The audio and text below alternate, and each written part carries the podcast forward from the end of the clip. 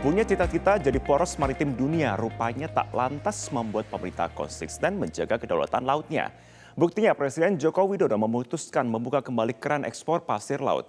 Kebijakan yang dilarang sejak dua dekade lalu itu dinilai akan memperparah dampak krisis iklim sekaligus mengancam kedaulatan negara. Kita harus bekerja dengan sekeras-kerasnya untuk mengembalikan Indonesia sebagai negara maritim samudra, laut, selat, dan teluk adalah masa, masa depan peradaban kita.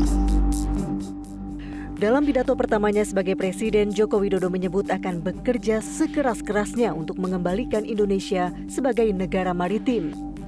Kini Jokowi pula yang memunggungi laut dengan membuka keran ekspor pasir laut melalui terbitnya peraturan pemerintah nomor 26 tahun 2023 tentang pengelolaan hasil sedimentasi di laut. Padahal pasir laut masih dibutuhkan untuk reklamasi dalam negeri dan pembangunan lainnya. Eksploitasi laut sendiri terbukti pernah merusak dasar laut Indonesia. Pengerukan pasir laut besar-besaran bahkan berakibat pada tenggelamnya tujuh pulau di Kepulauan Seribu. Walhi menyebut PP nomor 26 tahun 2023 adalah jalan mulus untuk melegalkan penambangan pasir laut di mana-mana.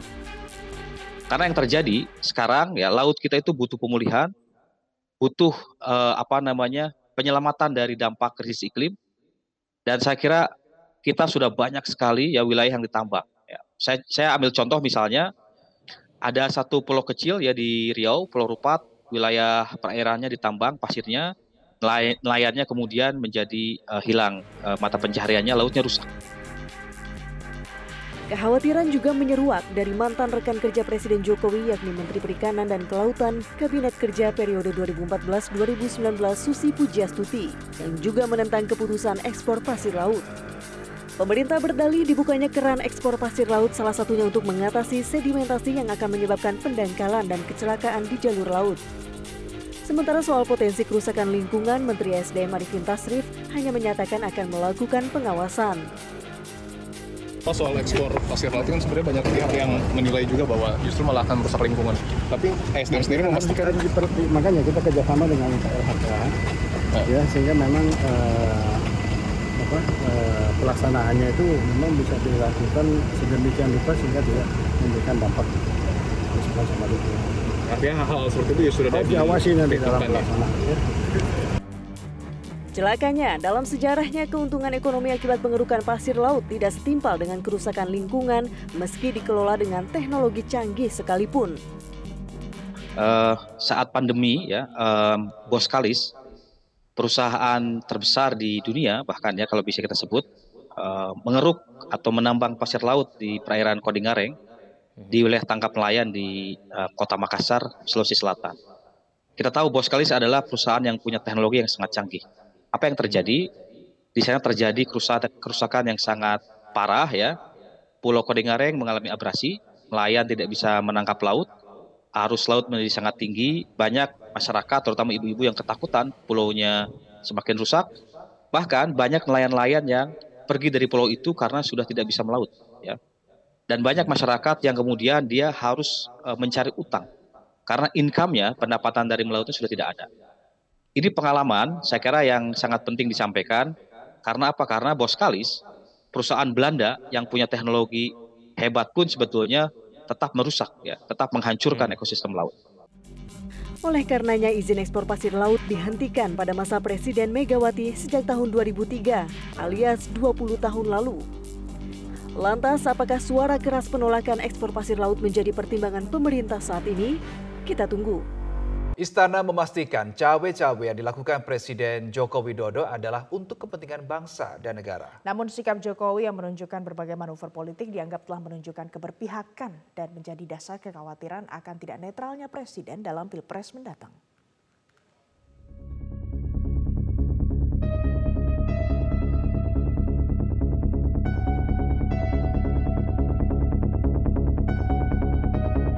Ucapan Presiden Joko Widodo yang mengakui dirinya turut cawe-cawe mengundang respons dari berbagai pihak, termasuk Koalisi Perubahan untuk Persatuan. Calon Presiden Koalisi Perubahan Anies Baswedan mengungkapkan ada kekhawatiran yang muncul soal politik cawe-cawe Presiden Joko Widodo dalam kontestasi politik 2024. Anies menyebut sejumlah pihak khawatir akan tidak netralnya kepala negara dalam pemilu berdampak pada perlakuan tidak adil seperti penjagalan kepada kubu yang dianggap lawan. Ada yang mengungkapkan kekhawatiran tentang tidak netralnya penyelenggaraan pemilu. Ada kekhawatiran tentang caleg-caleg yang mungkin dapat perlakuan tidak fair partai-partai yang dapat perlakuan tidak fair. Rektor Universitas Paramadina sekaligus analis ekonomi politik Didik Jerakpini menyebut kekhawatiran akan tidak netralnya presiden sangatlah beralasan.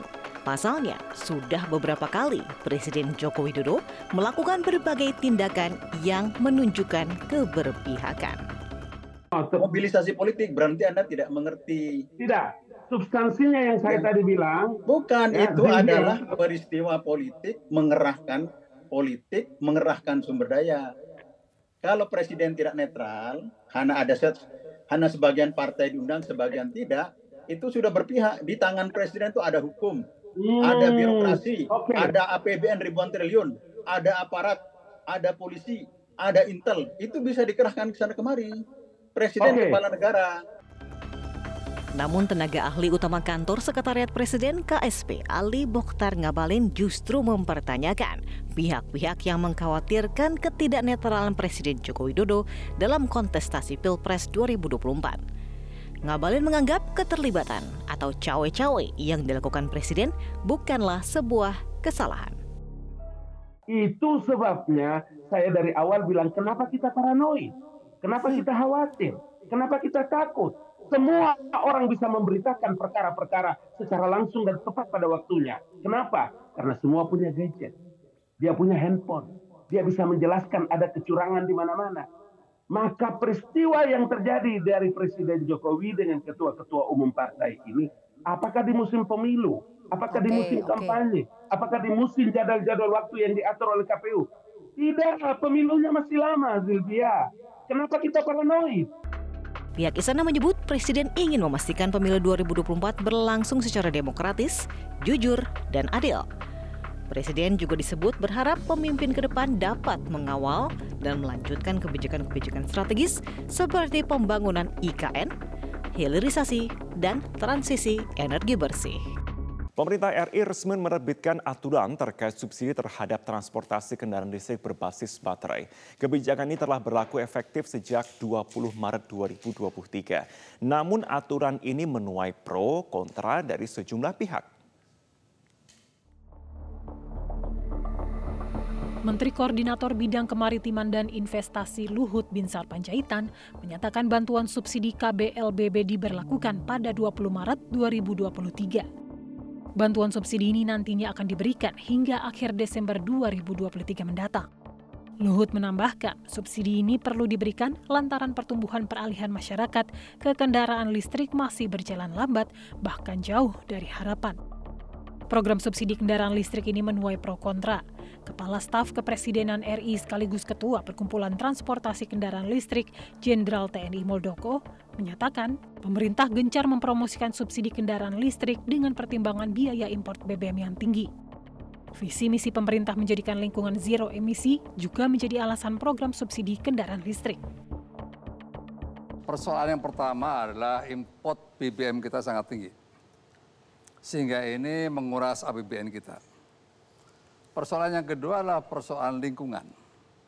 Karena pemerintah Indonesia berkomitmen kita menuju zero emisi pada 2060. Ya.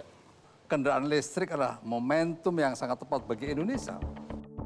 Sementara Wakil Ketua Forum Transportasi Jalan dan KAMTI Dedi Herlambang menyatakan penolakannya terkait pemberian subsidi kendaraan listrik oleh pemerintah kita memang harus membersihkan kualitas udara kita dari emisi gas karbon.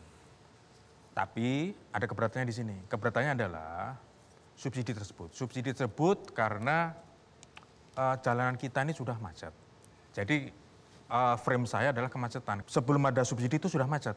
Okay. Apalagi sudah apalagi ditambah dengan subsidi. Tapi kan go green. nggak ada polusi. Nggak masalah. Kalau sama-sama macet kan juga tidak produktif kan, walaupun bagus mobilnya uh, go green, tapi kan tetap macet. Dengan dana, dana, dana besar itu, dana besar itu, paling tidak kita bisa mengalokasikan pada daerah-daerah lain yang infrastrukturnya lebih membutuhkan.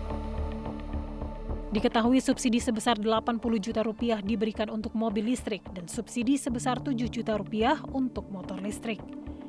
Sebanyak 200 ribu unit motor listrik telah diajukan sampai Desember 2023, sementara subsidi akan diberikan kepada 35.900 mobil listrik. Tim Liputan, Metro TV. Menteri Investasi sekaligus Kepala Badan Penanaman Modal Bahlil Hadalia menyebut pemerintah saat ini melakukan percepatan investasi pembangunan baterai mobil listrik dengan Inggris. Pembangunan bat pabrik baterai mobil ini bahkan diminta Presiden untuk selesai pada bulan September mendatang. Instruksi percepatan pembangunan ekosistem atau pabrik baterai mobil listrik ini pemirsa disampaikan Presiden Joko Widodo kepada Menteri Investasi Bahlil Hadalia pada rapat Rabu siang.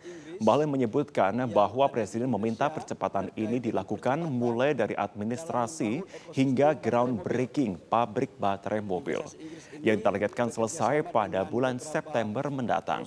Selain Inggris, pembangunan ekosistem baterai mobil ini juga akan menggandeng sejumlah pengusaha dalam negeri termasuk perusahaan BUMN yaitu Antam serta perusahaan dari negara Australia, Belgia, dan juga Swiss. Pabrik baterai mobil ini akan dibangun di Bantaing, Sulawesi Tengah dan tambang nikelnya di Papua. Pembangunan ekosistem baterai mobil ini disebut Bahlil memiliki nilai investasi di tahap awal sebesar 20 triliun rupiah.